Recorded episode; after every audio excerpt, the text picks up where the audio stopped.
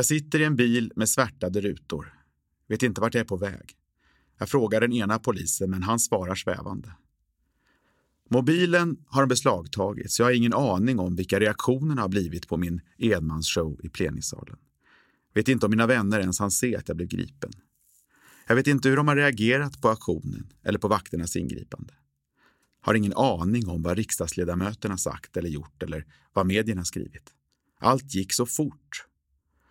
Och jag hade inte hunnit involvera mer än ett par av mina vänner och mina planer i förväg. Och ganska hastigt. Jag heter Samuel Jarrik och jag är operasångare och klimataktivist från Stockholm. Det här är min mittårsrapport. Jag har valt att kalla den Det är väl ingen konst att rädda världen.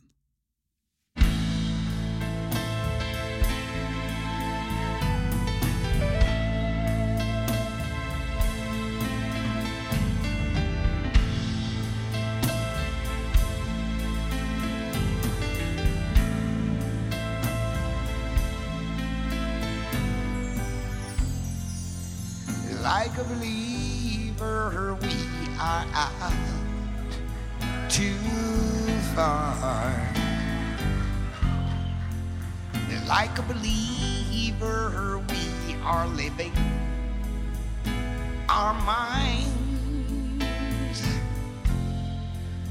Like a believer, we don't waste any time. And like a believer, we stand our ground. Just can't understand this.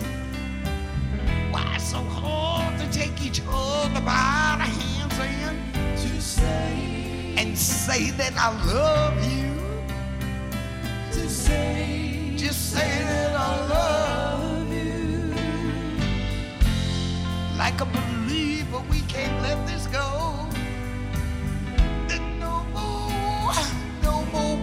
wars, no more stealing. To say, just say that I love you. To say, just say that I love you.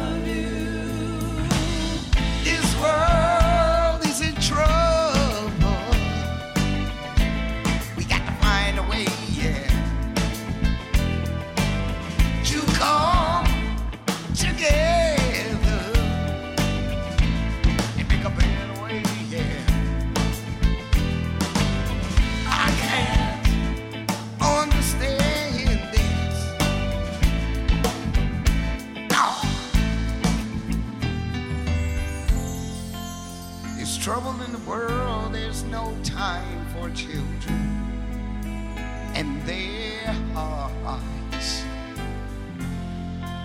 Well, just look at their eyes. Can't you see you're ripping them apart?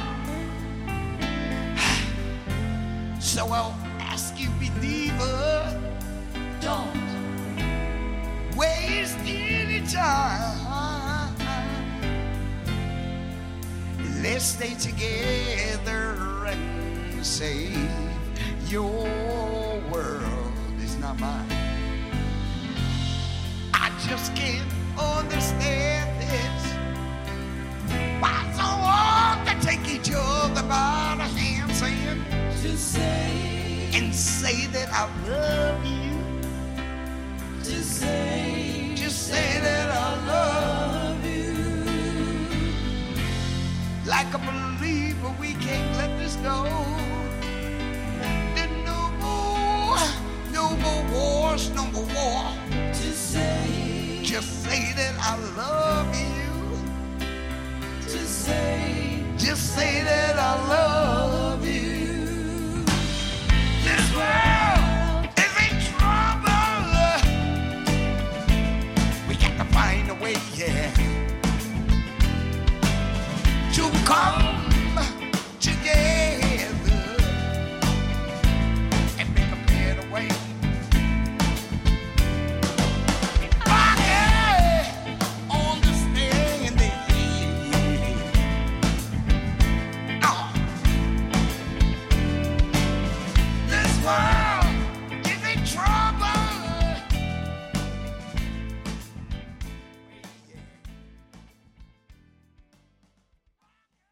Bilen stannar efter en kort och snabb färd och dörren öppnas. Du kan gå nu, säger de. Okej, okay, tack så mycket. Jag står plötsligt på Bysistorget och försöker vänja ögonen vid den starka solen. Och jag har precis fått tillbaka min telefon. Ett par missade samtal. Jag ringer upp ett av dem. Adi svarar. Han undrar hur jag mår. Han låter lite orolig på rösten. Jag söker hans bekräftelse, försöker få någon sorts hum om vad jag ställt till med egentligen. Han låter lite svävande. Simon ringer. Han var också där. Han är på väg för att möta mig. Jag ringer min flickvän också. Hon är på väg till Bysis hon med. Lättnad mitt i oklarheten. Jag känner mig ensam och liksom utsatt i ovetskapen och efter polisförhören i riksdagshusets källare. Trots att poliserna varit oväntat vänliga och en av dem rent av uttryckt sympati för min aktion. Ja, jag tycker personligen att det är viktigt att folk ska få använda yttrandefriheten, säger han. Frågan är ju väldigt viktig ändå. Medan jag väntar börjar jag googla och inser snart att min aktion fått mycket stor spridning i tidningar och etermedier.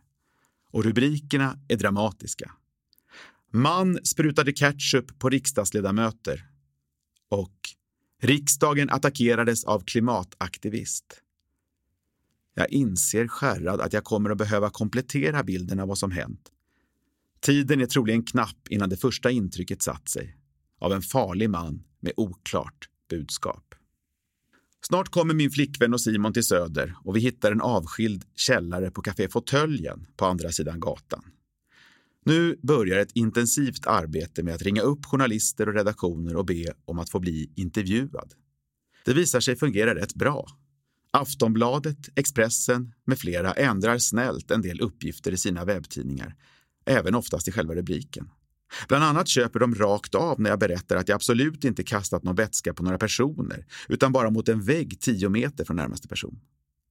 Med stöd av mitt lilla team lyckas jag också ändra uppgiften om att jag ropat “Tänk på barnen i Afrika” när jag i själva verket upprört skanderat. “Tio miljoner människor svälter på Afrikas horn” som ett då aktuellt exempel på något som klimatförändringarna med stor sannolikhet bidragit till. Viktigast är förstås att jag äntligen får möjlighet att förklara varför jag hällt en röd vätska ned från läktaren i riksdagens plenisal precis i anslutning till debatten om den planerade försäljningen av Vattenfalls brunkolsverksamhet till ett tjeckiskt brevlådeföretag. Att jag gjorde det för att påminna om blodet som spills av alla de miljarder människor som kommer att drabbas av klimatförändringarna om inget görs. Men också för att symboliskt dra ett rött streck, en vetenskapens gräns, hit men inte längre, för det fossila vansinnet. Jag lyckas också haspla fram att det inte alls var ketchup i flaskan utan ett egenhändigt blandat sammelsurium av tomatpuré, fruktsaft och hallonsaft. Saft, saft, hallonsaft, bättre saft har ingen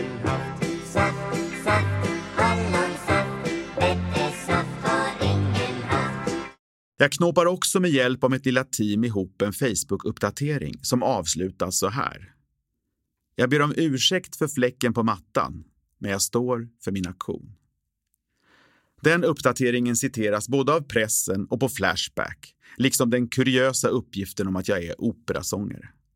Många vänner rycker ut i mitt försvar och tar ställning för aktionen. Men tvivlet börjar tränga sig på allt mer under kvällen och dagarna efteråt.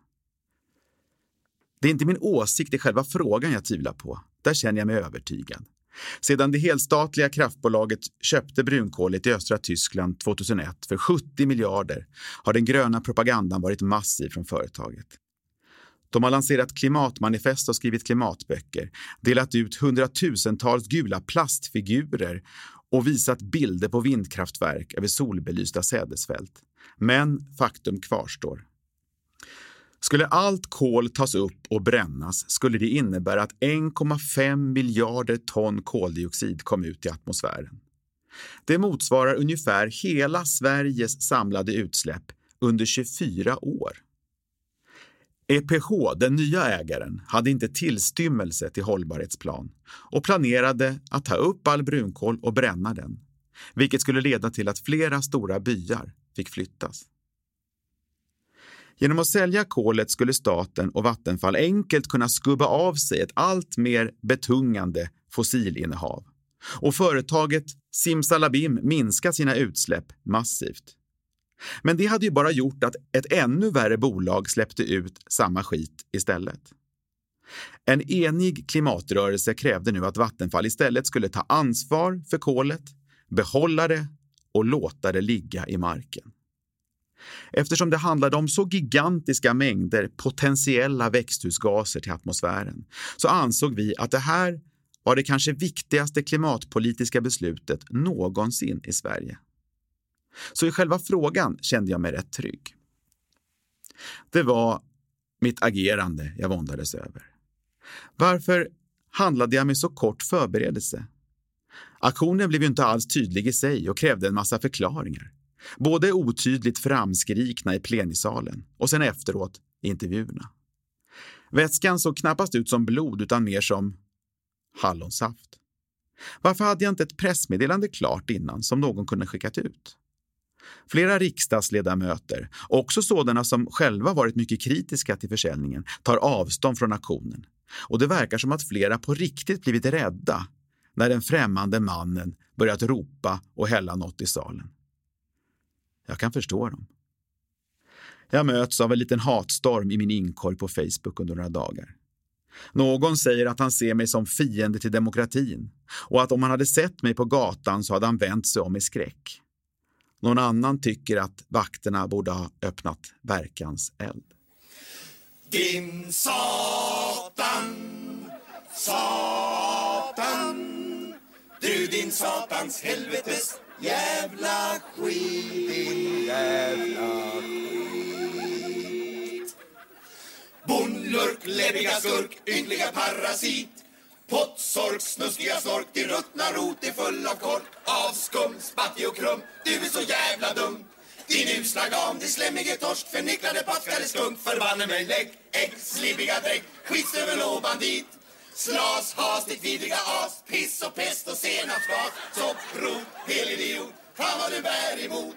Din sabla bort ditt feta arsel, vågar dig aldrig mer hit. Attans skitstrap, hör vi Satans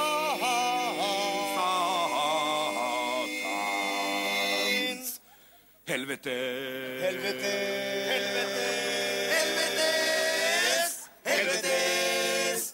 Helvetes jävla skit Hatstormen bedarrar rätt snabbt. Värre är ett par andra reaktioner från personer vars omdömen är svårare att skubba av sig. Mina föräldrar är väldigt kritiska. De har bara nåtts av de första kvällstidningsrubrikerna och verkar betrakta min aktion som väldigt olycklig och till och med antidemokratisk. Det svider, men jag försvarar mig med att de inte tagit del av hela bilden. Allra mest ställd blir jag när jag pratar med en kampanjledare från Greenpeace som söker upp mig. Hon är upprörd.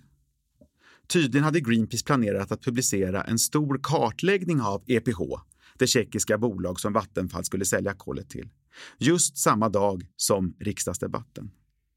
Den skulle ha kunnat få stort genomslag och kunnat påverka debatten i ett avgörande skede. Enligt henne hamnade hela den rapporten i fullständig mediaskugga av min enmansshow. Hon liknade det med om någon hade gått in under min operaföreställning och tagit över den. Jag försökte försvara mig och sa att jag inte hade haft en aning om att rapporten skulle publiceras just den dagen. Men jag fick rejäl ångest efter samtalet. Hade jag förstört allt? Hade jag tagit över showen? Var det rent av mitt fel att kolet såldes?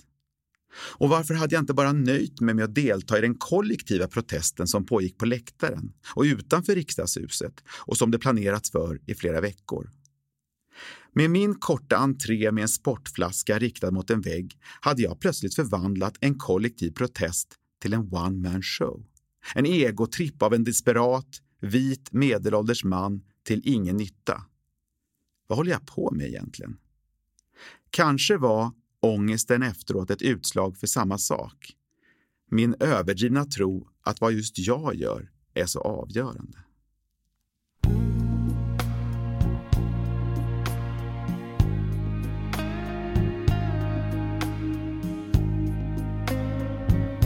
The birds they sing at the break of day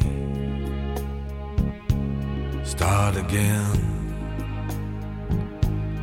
Heard them say, Don't dwell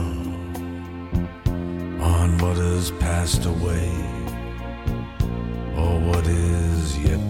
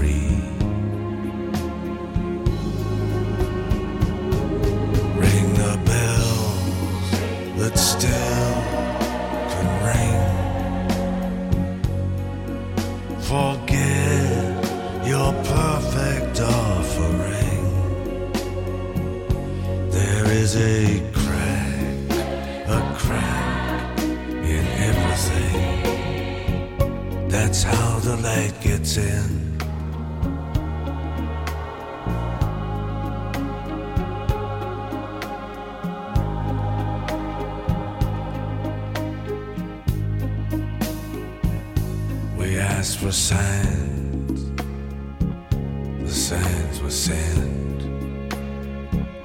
The birth betrayed, the marriage spent.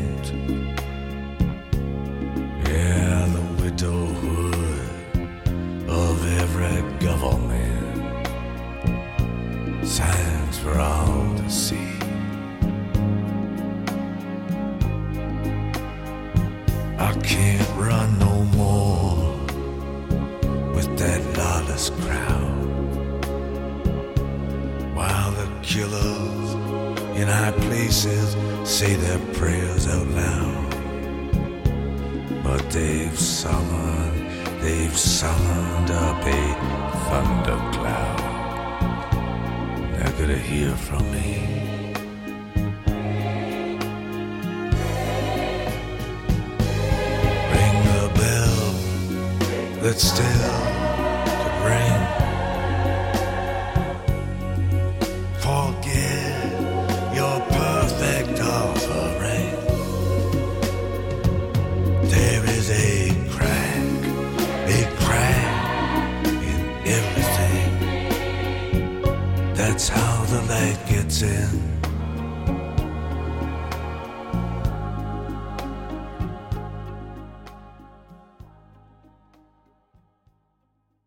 föddes i Stockholm 1974.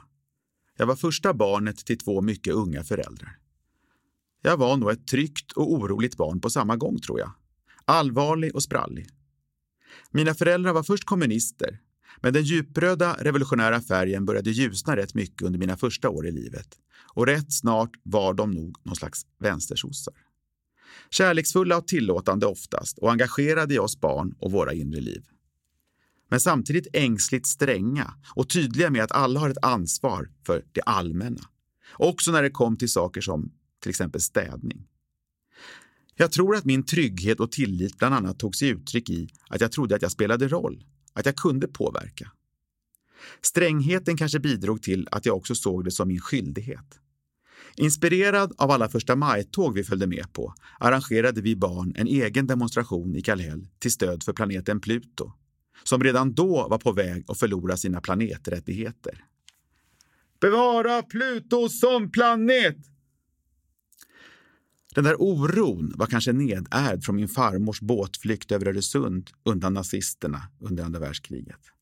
En oro som bidrog till en viss misstänksamhet hos min pappa och till att han i livet sett till att alltid vara i god fysisk form inför ett tänkbart fascistiskt maktövertagande. Det gäller att kunna springa bra då. Kanske spillde denna oro över på mig. Jag undvek under en period att komma i närheten av nyhetssändningarna på tv av rädsla för att det skulle handla om risken för kärnvapenkrig. Och jag var ofta rädd att det skulle börja brinna när vi sov.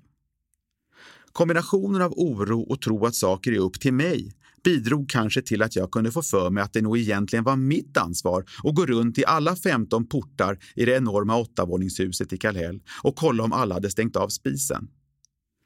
Lyckligtvis gjorde jag aldrig slag i just den saken. Men under stora delar av min uppväxt har jag nog ibland förväxlat verkligt engagemang med en sorts moralisk självupptagenhet.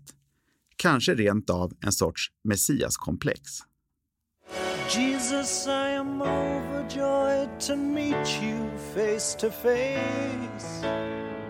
You've been getting quite a name all around the place.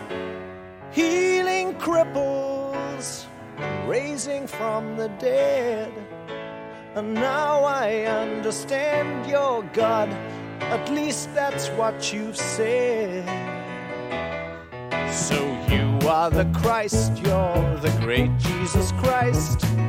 Prove to me that you're divine. Change my water into wine. That's all you need to, and I'll know it's all true. Come on, King of the Jews. Jesus, you just won't believe the hit you've made round here.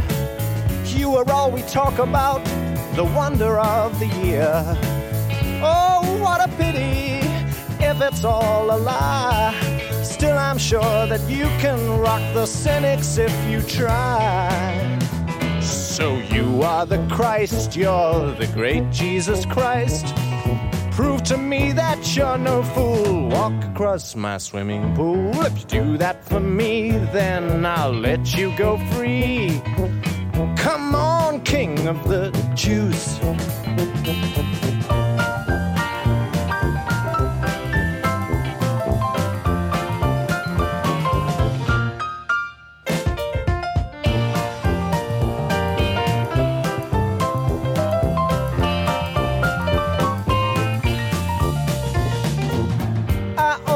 Ask things I'd ask any superstar.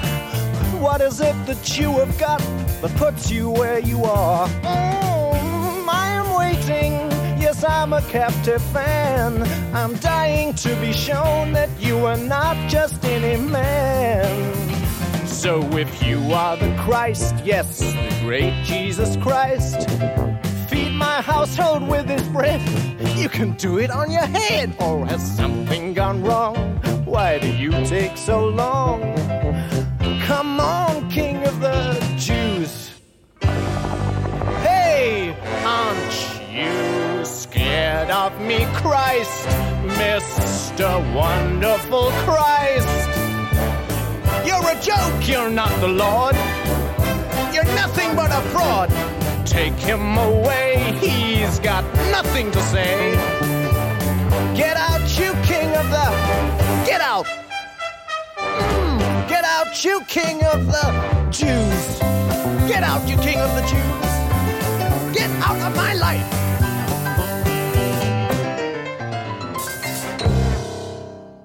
Jesus Christ Superstar, rockoperan av Andrew Lloyd Webber, gjorde väldigt starkt intryck när jag såg den första gången som 11-åring på Adolf Fredriks gosskurs turnébuss i Tyskland. Parallellt med min moralism och mitt intresse för politik fanns ju musiken. Både hemma med en pappa som trummade på allt han såg och jammade låtsasjazz och en mamma som öste ur sin egen barndoms visskatt. Jag som helt saknade gudstro hade nog nästan en religiös relation till musiken, främst den klassiska. Livet var inte alls bara lätt på AF. Det var en rätt traditionstyngd, auktoritär och hierarkisk miljö där vi elever både skulle veta vår plats och känna oss utvalda på samma gång. Men samtidigt fanns ju de där magiska tillfällena, som när vi deltog i Bachs Matteuspassion på körläktaren. Och med våra ljusa, klara röster tillsammans lyckades spinna en tunn silvertråd som svävade ovanför orkestern och den vuxna kyrkokörens kontrapunktiska fugor. Jag drömde om att gå i 1700-talskläder och när jag med gosskören fick vara med på operan i Trollflöjten som tre gossar i livré, peruk och sockersöt sminkade kinder kunde jag inte se mig mätt på mig själv i spegeln. Att stå på operan scen var förstås ett sanslöst privilegium. Det var som att upptäcka en enorm trollerilåda från insidan. De äldre pojkarna ledde oss till alla hemliga och förbjudna tågvindar och källarprång. Vi smutsade ner oss till gatpojkar i Carmen. Vi kastade apelsiner på varandra i La Bohème och flög, iförda säkerhetsbälten på en ställning över scenen i Trollflöjten. Det var sträng sångdisciplin och vild lek i ett. Publiken kändes ofarlig och långt borta ute i det mörka publikhavet. Jag fortsatte på Kungsholmens musikgymnasium och kände mig ofta fel. Fullt med akne i hela ansiktet och dålig andedräkt som mina kompisar pikade mig för. Jag kände ibland för att krypa omkring på golvet i korridorerna. Kanske för att liksom bryta av mot en känsla av obegriplig konformitet omkring mig. Möjligen var det här mina första civil olydnadsaktioner. Ibland ältade jag ett sorgligt mantra inför mig själv eller mina kompisar. Jag är ful och dum och äcklig. Och jag plågades av en massa moraliska och filosofiska grubblerier. Därför blev det en sån vändpunkt när vi på engelskan spelade upp slutscenen i Hamlet. Jag tror att jag var Laertes och Katarina var Hamlet, eller tvärtom. På något sätt fångade vi klassens uppmärksamhet och något inom mig fladdrade till. När sedan samma Katarina satte upp musikalen Fånga paradiset och valde mig till en av huvudrollerna så välde en lyckokänsla över mig. Att stå på scen kändes fritt och lätt, till skillnad från livet utanför. Två parallella framtidsbilder slogs nu om herraväldet inne i huvudet. Skulle jag ge efter för lusten att sjunga och stå på scen eller borde jag ägna mitt liv åt att bidra till en värld utan massvält, djurförtryck, ökenspridning och krig? Det kändes till sist allt för egoistiskt och världsfrånvänt att välja musikdramatiken. Så jag valde den smala vägen och sökte in till socialantropologin på Stockholms universitet. Jag gillade verkligen kursen och studiekompisarna, fast jag kände mig nog rätt bortkommen och liten där med. Och jag kom på mig själv med att gå och sjunga i korridorerna. Efter bara en termin blev sånglusten för stark och jag gav efter och sökte in på en klassisk sånglinje på Kulturama. Och på den vägen blev det. Jag fortsatte studera sång och opera och kanske försökte jag på något sätt applicera min idealism och mitt eventuella messiaskomplex i musikdramatiken. Det ängsliga egot, prestationskraven och viljan att bli älskad gjorde att studietiden växlade mellan hängivet och lekfullt utforskande och självkritisk prestationsångest. Jag gick ofta till olika röstläkare för att hantera mina nojor och fick en massa allergimedicin utskrivet. Men när jag väl stod på scenen inför publik under något elevuppspel släppte ofta ångesten och jag njöt av samspelet med mina klasskamrater. Och åter kändes det som att jag svävade som den där silvertråden, en vibrerande sträng av total närvaro och liv, ovanför eller kanske genom det svårbemästrade verkliga livet. Men det verkliga livet och den verkliga världen trängde sig på. Under studietiden på Operahögskolan attackerade USA Irak. Skolan låg på den tiden i diplomatstaden, precis mitt emot amerikanska ambassaden. Så jag fick med mig min kompis Daniel på att arrangera en manifestation. När demonstrationen med 60 000 personer passerade utanför Berwaldhallen ett par hundra meter bort skred vi, ett svartklätt följe från Operahögskolan, sakta bort mot dem, sjungandes Händels välkända Lasha Kiopianga och anslöt oss sjungande till den stora marschen till USAs ambassad.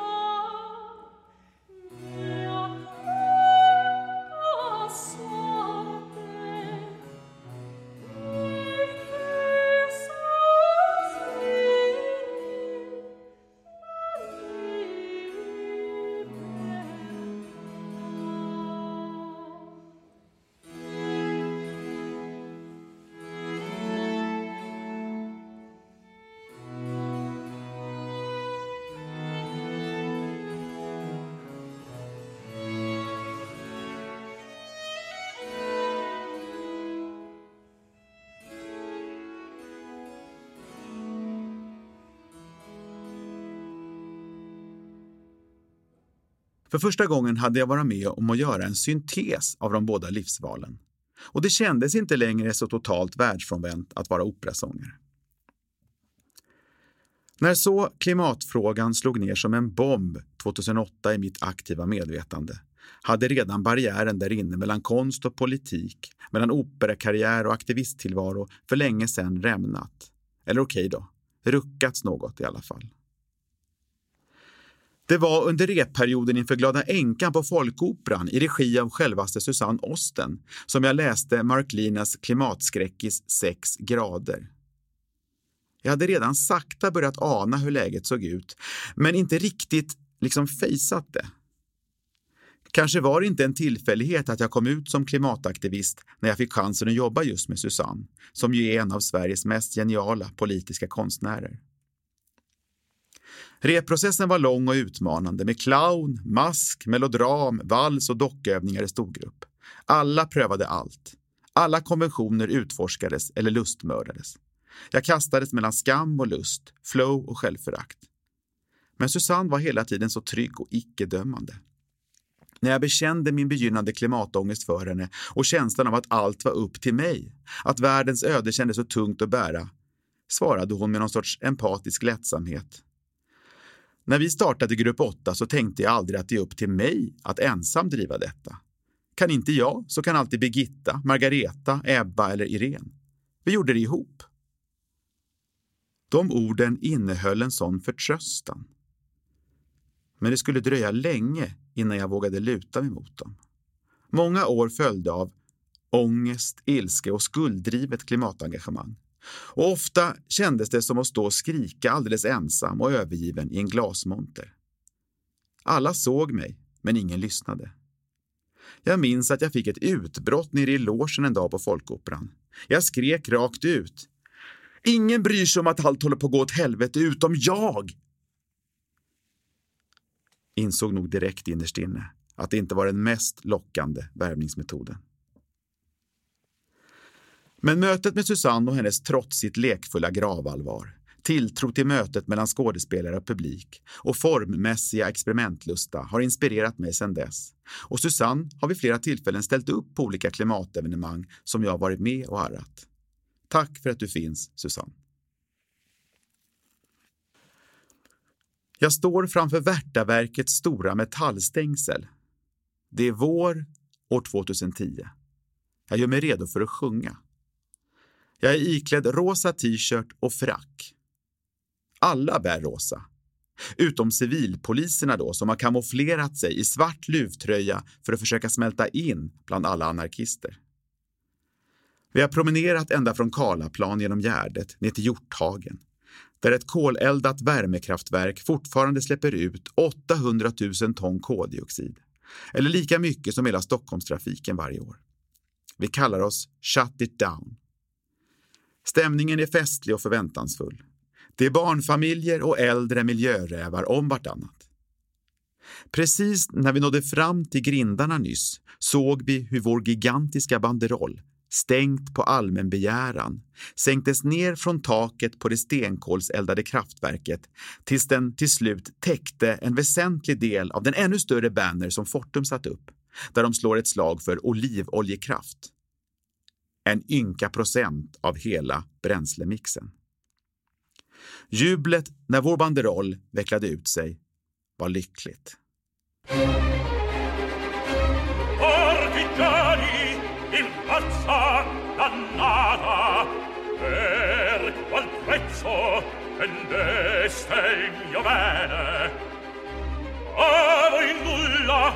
per loro sconviene ma mia figlia impagabil tesor. Lo rendete o seppur disarmata questa mano per voi fora cruenta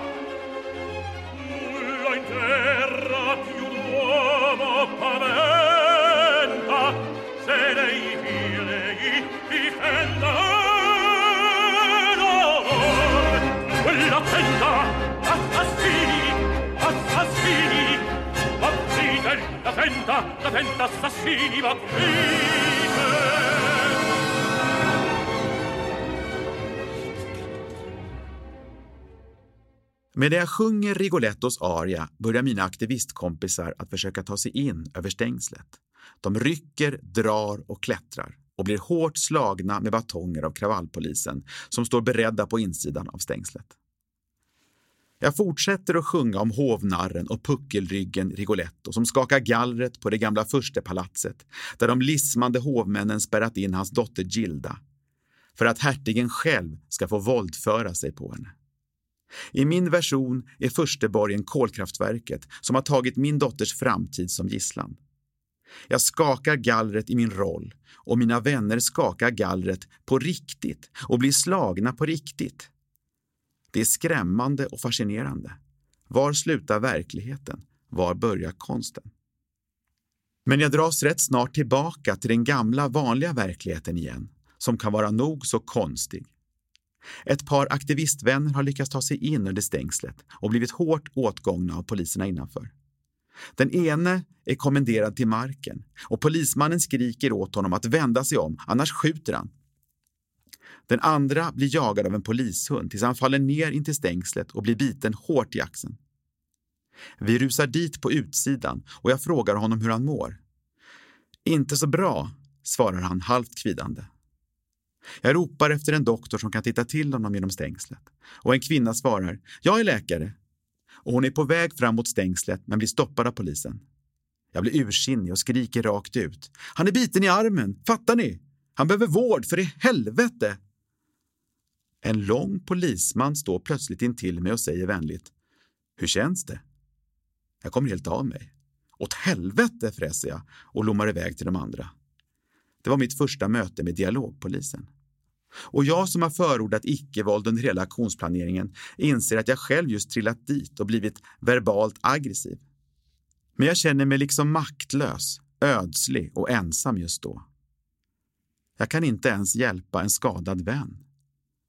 Hur ska vi kunna rädda hela planeten?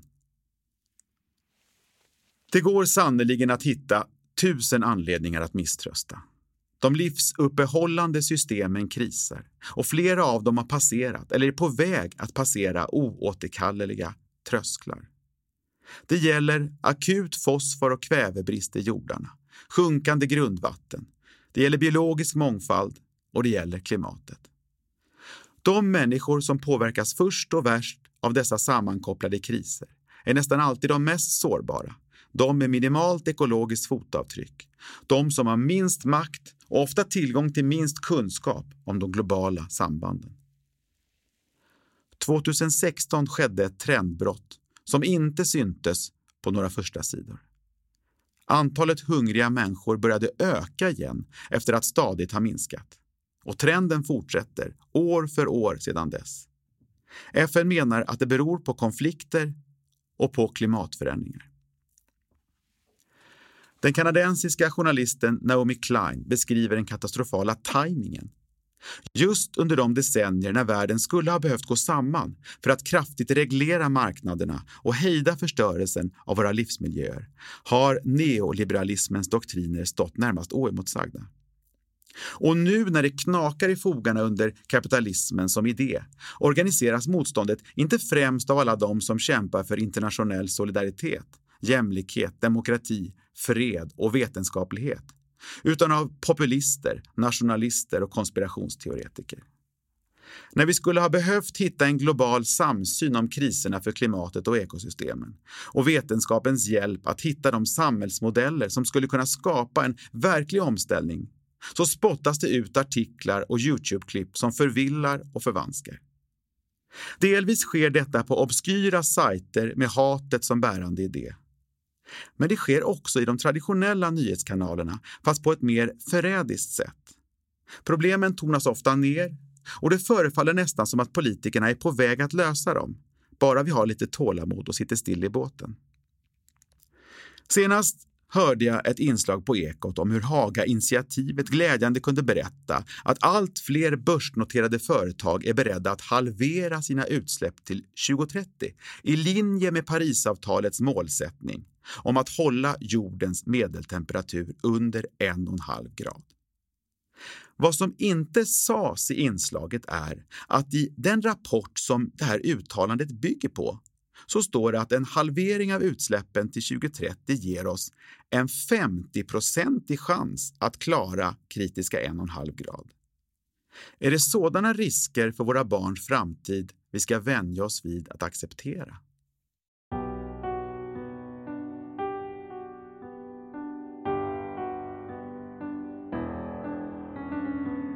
This is all wrong. I shouldn't be up here. Should be back in school on the other side of the ocean. Yet you all come to us young people for hope. How dare? You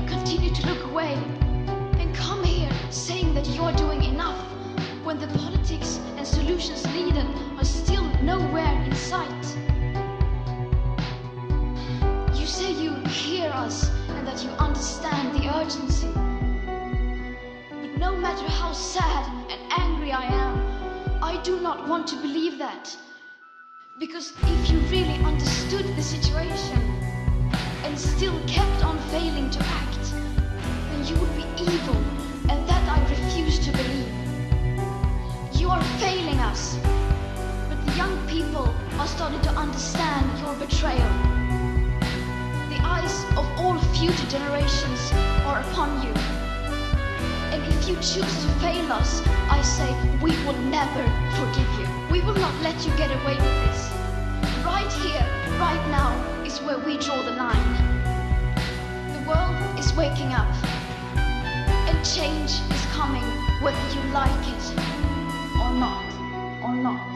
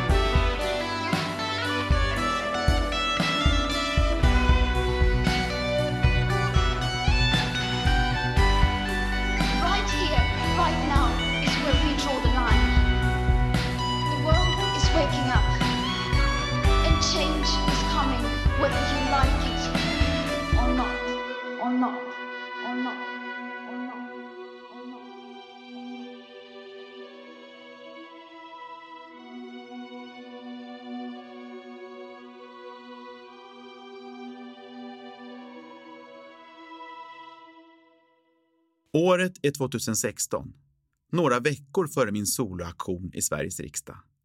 Jag befinner mig i Lausitz i Brandenburg i Tyskland, nära polska gränsen. Just bland de kolgruvor och kolkraftverk som Vattenfall är på vippen att sälja.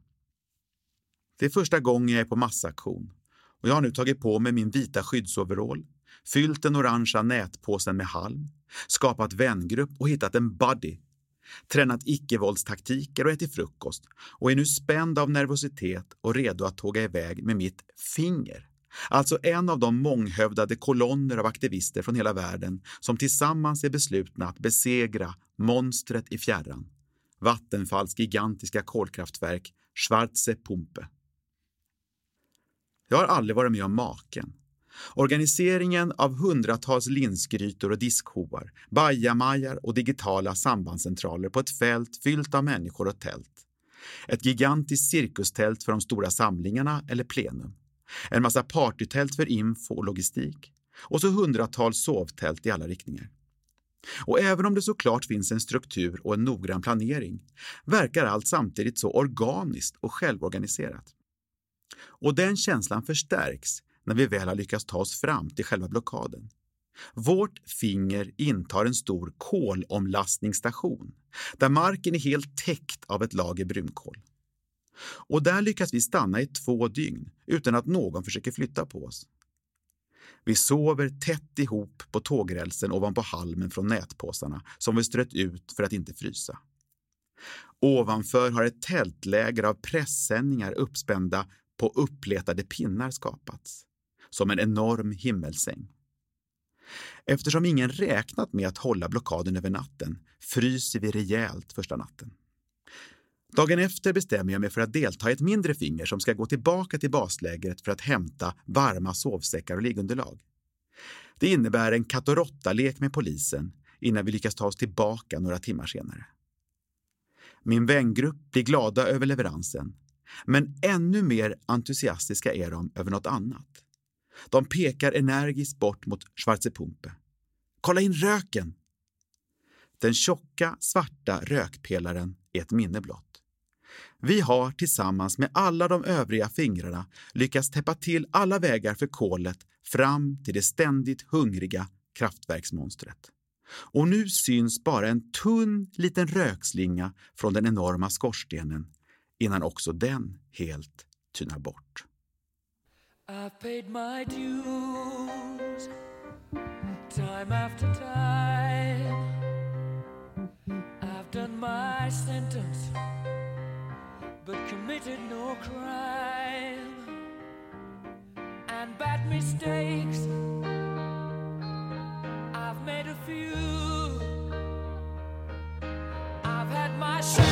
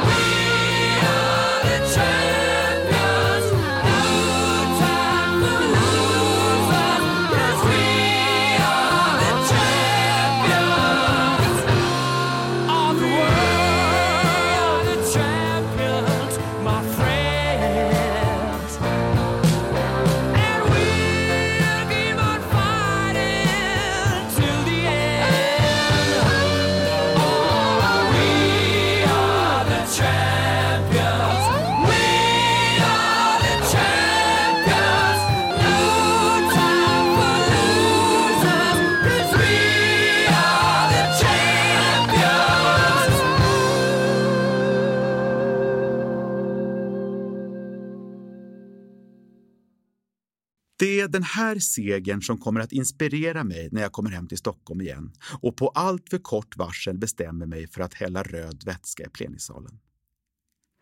Men det jag inte riktigt fattar än är att segern i Tyskland kändes så starkt just för att den var kollektiv.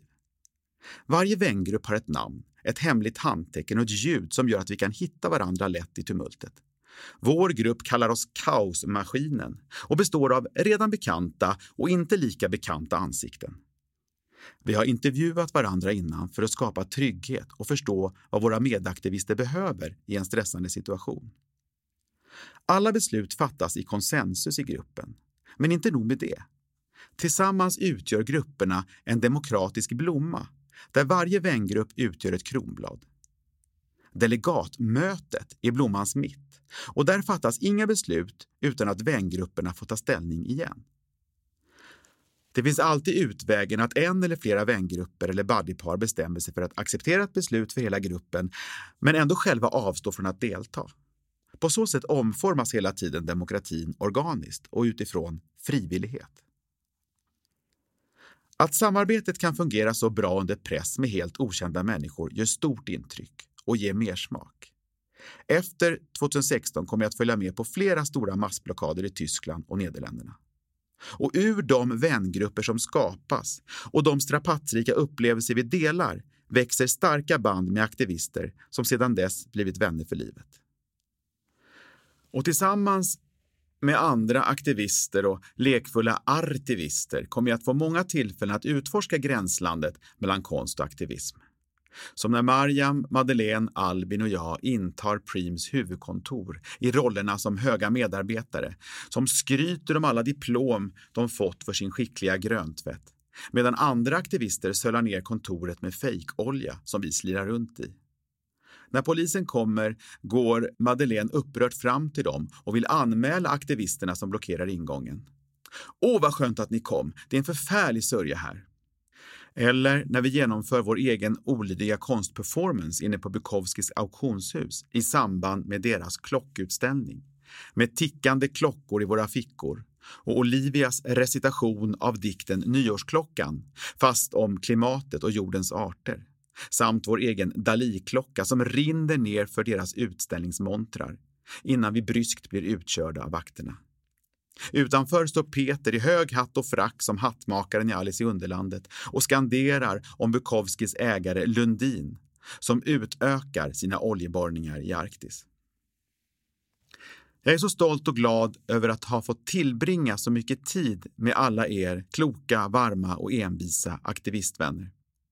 Agnes, Joakim, Andrea, Anna, Daniel, Naramsin och Adi, Frida, Kali, Elisabeth, Niklas, Mariam, Dirkjan, Aviva, Olivia, Samira, Madeleine, Ester, Sebastian, Klara, Kenneth, Milla, Auro, Hilda.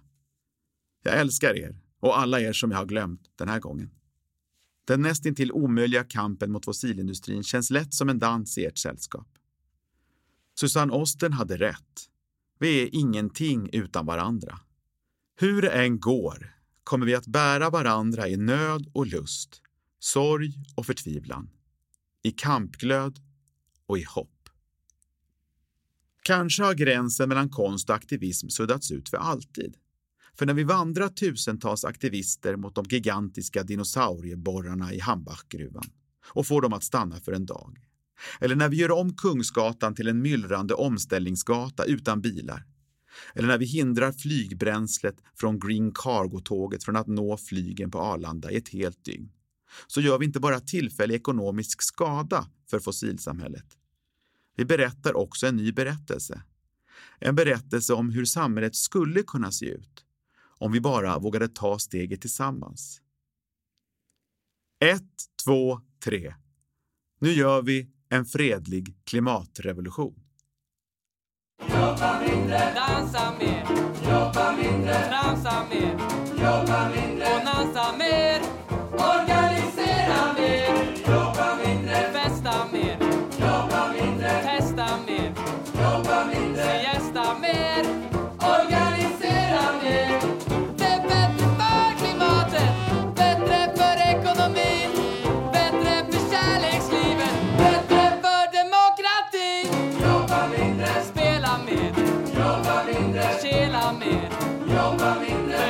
amém.